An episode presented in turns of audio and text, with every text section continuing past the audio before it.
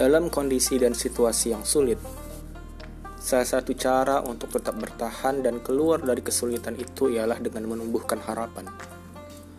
Itu pula yang dilakukan oleh Rasulullah Shallallahu Alaihi Wasallam pada saat perang Hondak, ketika kaum muslimin dikepung oleh 10.000 pasukan musyrikin Quraisy di tepi kota Madinah.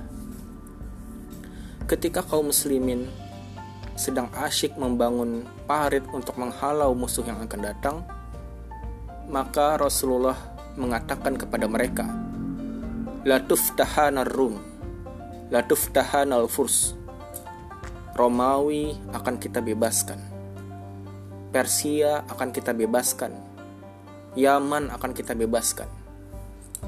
Ucapan itu di, dikeluarkan oleh Rasulullah SAW pada saat-saat sulit pada saat-saat ketika kaum muslimin dalam keadaan terjepit.